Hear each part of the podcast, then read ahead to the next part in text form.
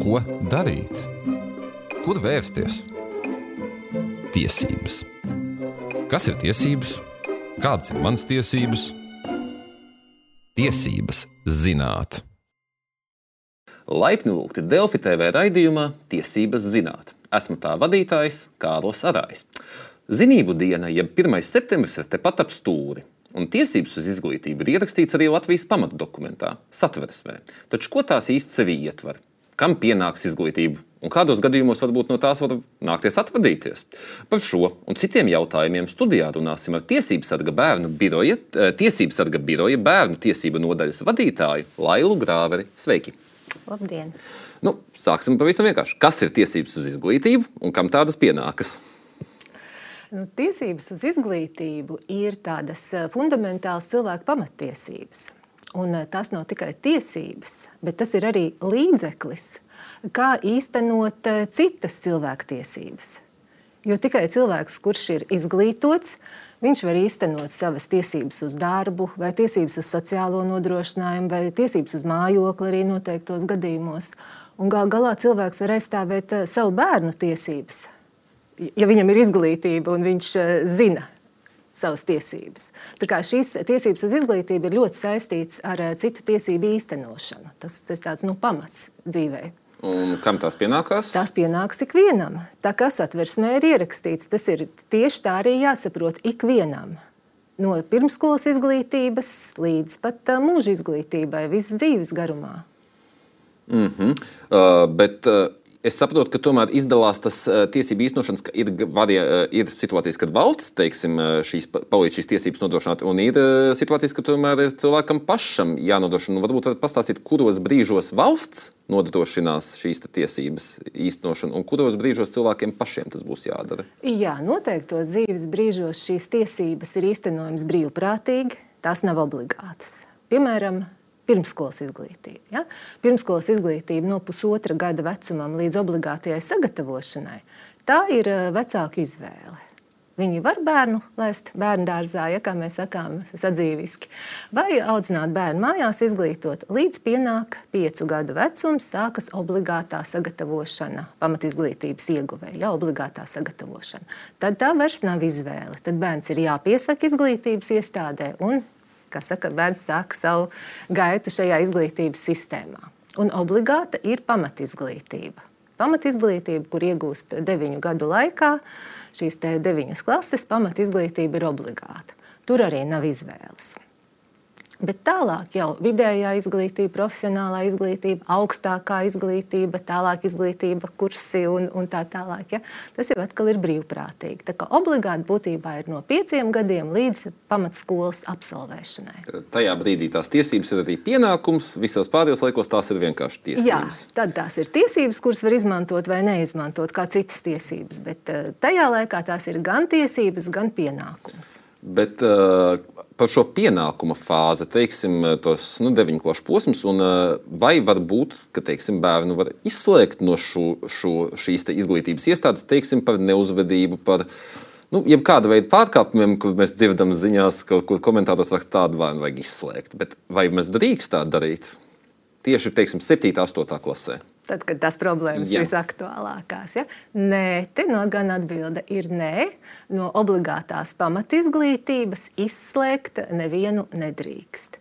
To nosaka pirmkārt jau satversme, ka pamatizglītība ir obligāta, un otrkārt ir jauni, jauni tāpēc, ka pieņemt šogad 11. janvārī jauni ministra kabineta noteikumi par to, kādā kārtībā bērnus uzņem izglītības iestādēs, pārceļ nākamā klasē un arī izslēdz. Un tur ir noteikti tie gadījumi, kuros drīkst izslēgt no pirmsskolas, no pamatskolas, no vidusskolas. Tātad tas ir stingri noteikts, un te nekāda rīcības brīvība nav. Un no pamatizglītības par uzvedības pārkāpumiem izslēgt nedrīkst. Likums to nepieļauj. Izņemot, drīkst izslēgt pilngadīgu izglītojumu. Nu, ja kāds vēl pamatskolā ir jau pilngadīgs un vēl neprot uzvesties, tādā gadījumā viņu var izslēgt. Un uh, izslēgt var no vidusskolas, kur arī ir pilngadīga, un vidusskola nav obligāta. Arī no vidusskolas par atkārtotiem pārkāpumiem uh, direktoram ir tādas tiesības lemt par izslēgšanu. Nē, nu šeit, protams, arī rodas uzreiz jautājums, kādas tad ir, teiksim, arī, lai vecāki zina, kāda teiksim, ir disciplinārie draudi, ja viņu atvesa tomēr nu, konstanti nemāk uzvesties un tiešām traucē, vai kādas, kad, kādi tad ir skolām teiksim, iespēja tikt galā ar šādu situāciju? Redziet, jūs jautājat, disciplinārie draudi. Tas būtu tā kā sodi domāts. Ja? Bet es aicinātu paskatīties mazliet no citas puses, jo bērnam ir tiesības uz pilnvērtīgu attīstību. Tas arī ir bērnu pamatiesību princips. Un visi bērni jau piedzimst jauki, vai ne mazi mīļi. Un eh, kāds vienmēr par viņu audzināšanu ir atbildīgs. Tie ir vecāki, un, kad viņš nonāk obligāti izglītības sistēmā, arī izglītības iestāde atbild par audzināšanu, ja audzināšanas pienākums. Un, ja nu tas kopdarbs, ja tas audzināšanas rezultāts ir tāds, ka viņš nemāk uzvesties, nu, tad varbūt ne tas bērns ir jāsoda, bet jādomā, kā viņam palīdzēt, kā to viņa uzvedību korrigēt. Un te ir ļoti svarīgi reaģēt jau nu, tik līdz parādās pirmās kādas tādas nu, sliktas uzvedības pazīmes. Un parasti tas notiek jau bērnu dārzā. Un nevis kā saka, pieciest un gaidīt, ka viņš aizies uz skolu, bet meklēt, kāpēc tas bērniņš tāds ir, eh, kāpēc viņš citam sit vai kož vai spēr, un kāpēc viņš negrib draudzēties un dalīties ar mantām. Ja? Un risināt jau ar eh, psihologu piesaistot, varbūt kādus citus speciālistus, ja? risināt, kā tam bērnam palīdzēt, kā viņu uzvedību uzlabot, lai viņš ir eh, tāds nu, draudzīgs un laimīgs. Ja? Jo laimīgi bērni jau citiem pāri nedara. Bet kāda praksē ir, piemēram, nu, tomēr skatāmies, ir teiksim, 8. klases skolēns, kāds nu, konst, eh, regulāri. Nu, piemēram, sit savus klases biedrus, eh, zog kaut ko. Bet, nu, nu, es šobrīd modelēju tiešām sliktāko scenāriju. Kāda tajā brīdī, vai, vec, vai ir skaidrība vecākiem, kas tad ar to bērnu var notikt? Vai, viņi, vai pašiem vecākiem, protams, te ir. Jā, tā arī likumdevējs viss ir noregulējis soli pa solim. Ir tādi ministra kabineta noteikumi, ar numuru 1338. E, tieši par kārtību, kādā nodrošinām izglītojamo drošību. Jo te, protams, ir jāsabalansē šī nu, bērna, kuram, kurš neprot uzvesties, tiesības uz izglītību un pārējo tiesības uz kvalitatīvu izglītību, kas nozīmē izglītību labā vidē, tādā emocionāli drošos apstākļos, ja, lai viss var mācīties un, un veltīt savu uzmanību mācībām, ja nevis kāda tur izdarībām klasē. Un šajos noteikumos arī ir soli pa solim viss noregulēts, kā ir jārīkojas. Tātad pirmkārt, ja konstatē, ka kāds eh, dara pāri citiem, ja konstatē vardarbību, sauksim to tā skaļā vārdā, e, tad šim bērnam ir jānodrošina izglītība citā kabinetā, e, cita skolotāja vai sociālā pedagoga klātbūtnē. Tad viņš ir jāiziet mācīties atsevišķi, un tas var ilgt no vienas, e, no vienas stundas mācību. Varbūt viņš nu, nomierinās, var atgriezties līdz pat mācību dienas beigām. Tā kā karantīna.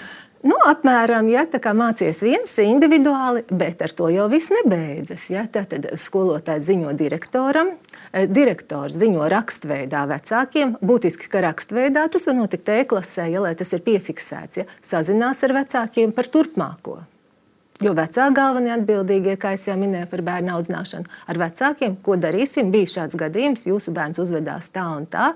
Ja, kāda cēloņa. Varbūt kaut kas mājās ir bijis no rīta, ka viņš tāds jau atnācis uz skolu. Ja? Tātad, ko darīs vecāki un arī ko darīs skolas atbalsta personāls. Arī ir teikts, rīkojumā nosaka atbalsta personāla pienākums. Atbalsta personāls tas būtu sociālais pedagogs. Sociālais pedagogs, psihologs, nu, klases audzinātājs, kas nav atbalsta personāls, bet arī iesaistās. Un tad visi roku rokā vecāki un skola, kā palīdzēt, ko darīt, lai tas neatkārtotos. Un tad ir paredzēts arī, ja nav uzlabojumu, tā arī var būt, ja skola ar saviem resursiem netiek galā. Ja nav uzlabojumu, tad skolai ir jāziņo pašvaldībai. Dibinātājam, tad jau iestādes vai sociālais dienests vai pat bāriņties nepieciešamības gadījumā, ja, tad jau tiek risināts nu, ārpus skolas ar citiem resursiem. Nu, tāda ir tā labi domātā kārtība. Bet eh, dzīvē nāks novērot, ka tas īsti labi nestrādā, jo vienkārši bērnus biedē ar to, nu, ja tu tā turpinās, tad būs jāziņo vecākiem. Ja? Ka tas ir kā tāds sods ziņot vecākiem. Bet tas jau nav sods, tā ir normāla lietu kārtība, ka, ja ir problēmas, tad ar vecākiem vajag sadarboties, lai vecāki zina, kā viņu bērns skolā uzvedas un ka ir problēmas un kā tās var izsināt, vai iesaistās. Uzreiz man uzdodas jautājums, vai minējāt, ka to var bērnu kā sodu uztvert, bet vai tad tomēr nav risks, ka teiksim, vecāki bērnu sodīs par šo ziņošanu, nu, ka viņi par viņu ir informēts un ka tas varbūt pat beigās sasniedz pretējo efektu? Ka vecāki būs dusmīgi. Jā, jūs domājat, tieši, dusmīgi man te par tevi jāklausās, ja, kā tu nemāki uzvesties. Jā, nu tā ir arī izpratne, vai bērns, bet vecāki arī vislabāk zina savu bērnu, vai tas ir vienkārši, ka viņš nu, izpaužas, viņam nav nekāda problēma, bet varbūt viņam ir uzvedības problēmas, jo uzvedības traucējumi tāpat ir diagnoze uzvedības traucējumi, un viņš pats tur neko nevar izdarīt pie labākās gribas. Tā kā ja tas ir nu, jau tā regulāri, nu, ir jāmeklē speciālistu palīdzība. Ja? Nu, nav jācieš ne bērnam, ka viņš ir nu, tāds sliktais visu laiku, ja? ne arī pārējiem klases biedriem, ne gal galā pedagogiem, kuri nevar darīt savu darbu un nevar mierīgi vadīt stundu. Nu, šeit ir, ir vajadzīgs risinājums, lai šis bērns tiek. Nu, kļūst tāds, ka viņš var iekļauties kolektīvā un netraucēt. Tāds ir tas mērķis, nevis sodīt. Un jūs jautājat par sodiem, kādi var būt sodi? Par iekšējās kārtības noteikumu pārkāpšanu. E, tie sodi tā valsts līmenī nav noteikti vienādi sodi. E, tas ir atstāts e, katras skolas ziņā. Katra skola iekšējās kārtības noteikumos nosaka atbildību par iekšējās, noteik iekšējās kārtības noteikumu pārkāpšanu.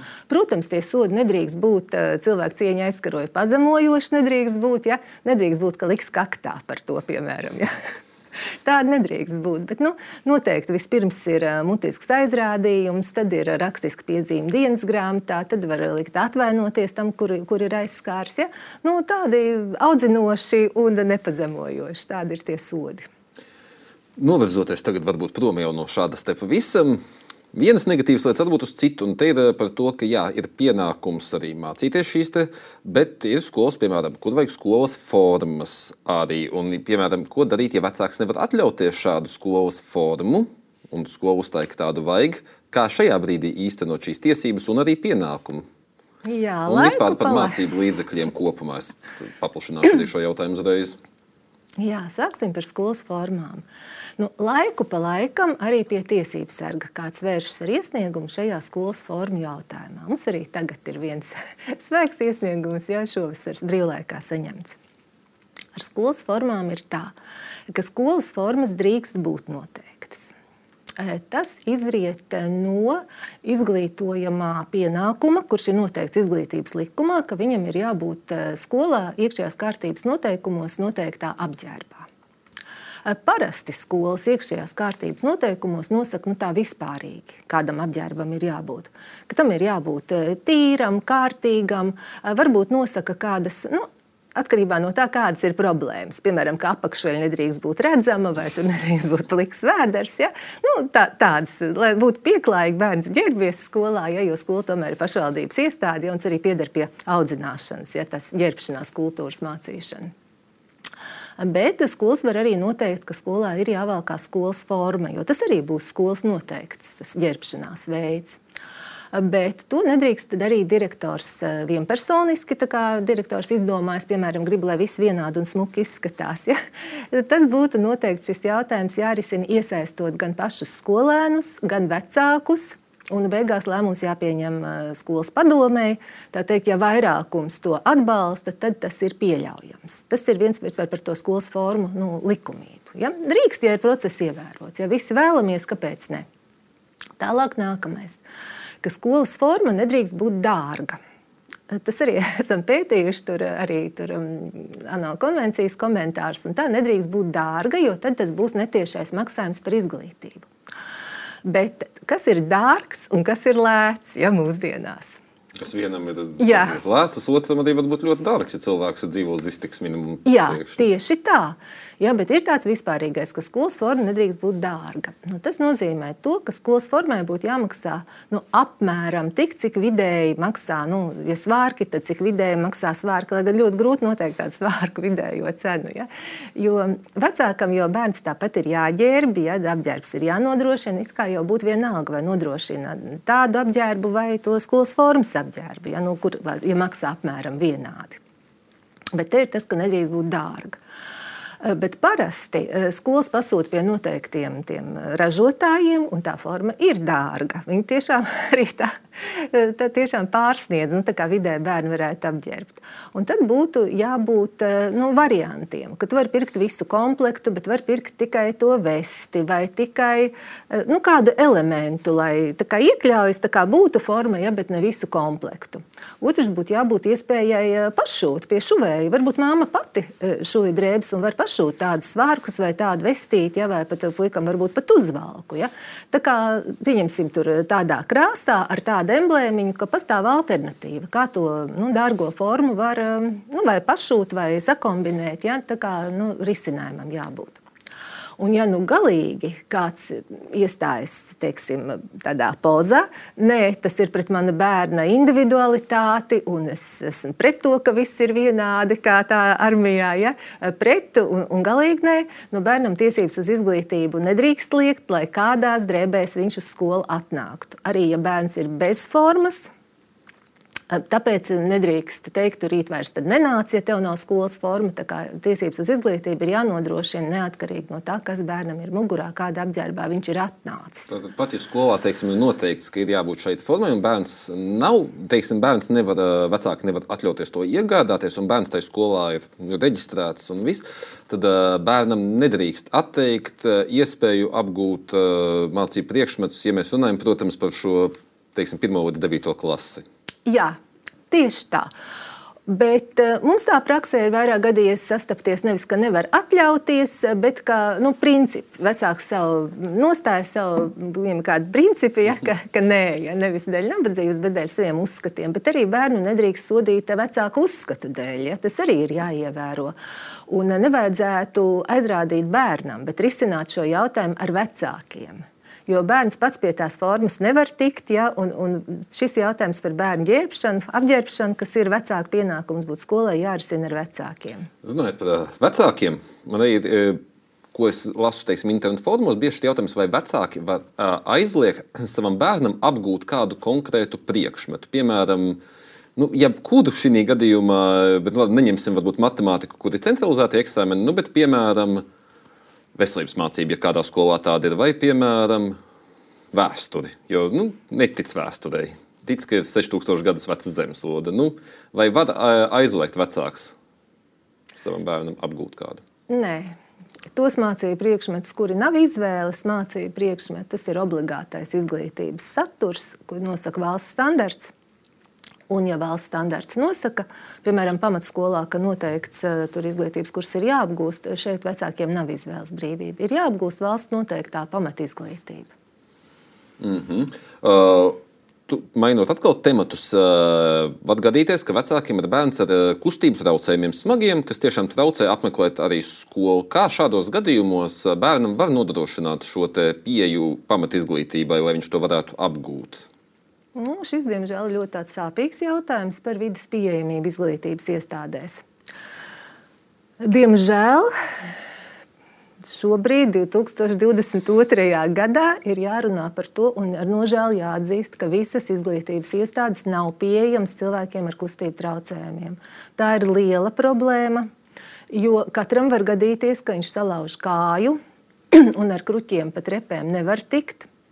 Un vidas pieejamībai būtu jau jābūt tādai pašsaprotamai lietai, kā tādam nu, normālam dzīves standartam, ka publisks sēks ir pieejams ikvienam. Tā tam būtu jābūt.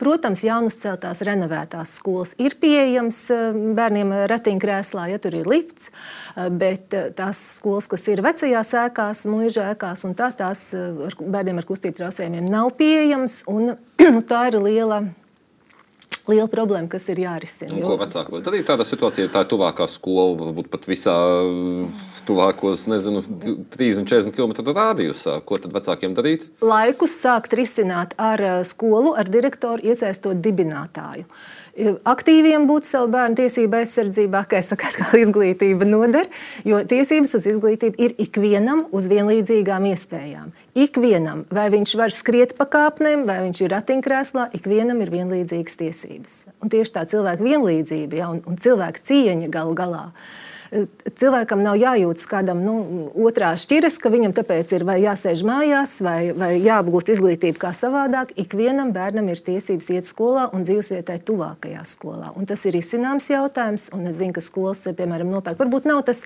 nu, ērtākais, bet risinājums, piemēram, nopērk pacēlāju, kas ar tādām, tā kā, tādām kāpurķēdēm. Tur uzved to ratiņkrēslu augšā, ja tas ir praktiski risināms jautājums, un skolām ir jābūt pieejamām. Mm -hmm. Par tiesību aizstāvību, ko vecāki var darīt, ja ir aizdomas, ka izglītība skolā ir nekvalitatīva. Varbūt skolotājs tā vietā, lai mācītu, piemēram, no, es mācījos pirms sen ļoti, bet piemēram no maniem laikiem, ka skolotājs stundas laikā sūta pēc bulciņām uz kafejnīcas bērnu. Ko tādās situācijās vecāks var darīt? Vispirms jau vecākiem ir jābūt informētiem. Sāksim ar to. Es domāju, vecāki būtu daudz aktīvāki, ja viņi zinātu, kas skolā notiek. Ja? Ir jāpārunā, ir jārunā ar saviem bērniem par skolas dzīvi, par to, kā, kā pagāja, kā kura stunda vai nekas. Jābūt tādai sarunai, lai vecāki pirmkārt uzzina par to, ka ir kādas problēmas, ka izglītība nav kvalitatīva vai kaut kas nenotiek īsti, kā būtu jānotiek. Nu, tā secība būtu tāda, ka pirmkārt jau ar to pašu priekšmetu skolotāju runāt, nu, cilvēcīgi, ka nu, tas nepaliek nepamanīts, ja, nu, ka tā nevajadzētu. Ja tas tomēr atkārtojas vai neizdodas tāda saruna, tad vērsties pie skolas vadības. E, tad direktors atbild par to, lai viss notiek e, tā, kā jānotiek pēc likuma un ir ievērots visas tiesības. Nu, ja neizdodas arī ar direktoru, tad būtu jāiesaist dibinātājs, kas ir izglītības pārvalde, ja pašvaldība, Un tikai tad, ja neizdodas teikt, lokālā līmenī atrisināt, tad jau ir izglītības kvalitātes valsts dienests, valsts iestāde, kura uzrauga izglītības kvalitāti un uzrauga normatīvu aktu ievērošanu izglītības jomā. Un tur ir uzraudzības departaments, kurš tad pārbaudīs un kurš var arī sodīt administratīvi, ja tur ir kas administratīvi sodāms, vai dot kādus eh, metodiskus norādījumus, vai uzdot noteiktu termiņu, kad ko novērst. Tā kā tā, tā kārtība būtu tāda. Bet nu, nesākt, es domāju, nesākt ar izglītības ministru un ar tiesību sargu, bet sākt ar to skolotāju sarunā un cilvēcīgu pēc tam ar direktoru un mēģināt, mēģināt tā. Mēs šodien ļoti daudz dažādiem tematiem pieskatāmies. Tāpēc, pajautāt, varbūt jums atmiņā ir kāds tāds no prakses piemērs, kur tiešām jūsu pārstāvētā iestāde, tiesības sargājas, ir kaut kādus saņēmusi nu, tiešām tādu interesantu, varbūt dīvainu sūdzību, bet kura bija reāla problēma un kur jūs palīdzējāt arī risināt. Man nāk prātā tāds eh, diezgan nesens gadījums, kur 9. Eh, klases, nu tas bija vēl skolas laikā, maijā, eh, kur 9. klases puiši bija pārkāpuši, nu, izdarījuši pārkāpumu, teiksim tā, gan iekšējās kārtības noteikumus, gan nu, teiksim, skolēnu pienākumus tā nevisai ētiski rīkojušies. Un bija starpinstitūcijas sanāksme, eh, ko tagad darīt. Kāda, bija nodomājusi skola liekt viņiem piedalīties izlaidumā par to, tādu sodu, ar tādu sodu viņus sodīt. Uh, Bet, eh, kā mēs zinām, tiem eh, sodiem ir jābūt noteiktiem iekšējās kārtības noteikumos. Ja? Tikai tādu sodu drīkst piemērot, kāda ir noteikta iekšējās kārtības noteikumos. Nevis izdomāt katram gadījumam, kādu sodu. Ja? Tas ir viens. Bet kas šeit bija interesants, šajā starpinstitūcijas sanāksmē, skolas direktori teica, un mēs tā nolēmām, ka ļausim viņiem 9. klasi pabeigt, ka par to neizslēgsim no skolas. Un tas man radīja lielas bažas, jo likums nepieļauj obligātā pamatizglītība, kur nu vēl maijā 9. klasē izslēgt no skolas, bet tas tika pasniegts kā tāda liela pretīm nākšana, ja mēs nolēmām viņiem atļaut pabeigt skolu. Un man šeit ir lielas bažas par to, vai netiek pieņemti šādi lēmumi par bērnu izslēgšanu. Un atkal vecāki, kuriem tās izglītības trūkst un kuri nezina, ka tas ir pretlikumīgi, varbūt viņi to tā arī pieņem un saka, jā, palaidnības sadarīja, viņš to arī ir pelnījis. Ja? Par to ir liels bažas. Un te gan es gribētu aicināt vecākus, ja, ja kaut kas tāds tiek konstatēts, ja saka, izslēgt, mēs lemsim par izslēgšanu, nu, tas nav pieļaujams. Ja? Līdz 9. klases absolvēšanai nepilngadīgiem bērniem tas nav pieļaujams. Ja? Tā kā tāds gadījums, kas vienkārši rada bažas par to, kas, notiek, kas ir likumos, ja, un par to, kas notiek praksē. Un vēl viens gadījums, ja es drīkstu, īsi. par pavisam īsi par bērnu ar speciālām vajadzībām, kam ir speciālās izglītības programma uzņemšana pašvaldībai tuvākajā skolā. Arī, ja visā pašvaldībā nav šī programma. Nu, vecākiem nav jāved bērns tāpēc uz internātu skolu, arī vecākiem ir jāiestājas par savām tiesībām, laicīgi skolu jāinformē. Man būs bērns pirmajā klasē, viņam būs vajadzīga konkrētā programma, lūdzu sakārtojiet, licenzējiet šo programmu, man tā būs vajadzīga. Un, eh, diemžēl ir pat gadījumi, kad tiesa uzliek par pienākumu skolai to programmu nodrošināt. Tas arī skolām būtu jāņem vērā, ka ikvienam tiesības uz izglītību ir ikvienam, lai kāds viņam būtu vajadzības tiesības. Ja? Ik viens var iet skolā, visi uz vienlīdzīgiem pamatiem. Tā tam būtu jābūt. Un uz šīs nots es arī teikšu jums paldies par sarunu. Uh, un tiešām atcerēsimies, visi, ka tiesības uz izglītību ir ne tikai tiesības, bet arī līdz 9. klasē pienākums. Un jo izglītotāki mēs būsim, jo labāk varēsim cīnīties un pārstāvēt savas un sev tuvo tiesības. Tamdēļ teikšu jums, dārgie skatītāji un klausītāji, paldies! Tiksimies pēc divām nedēļām, un atcerieties, mums visiem ir tiesības zināt savas tiesības. Atā! thank you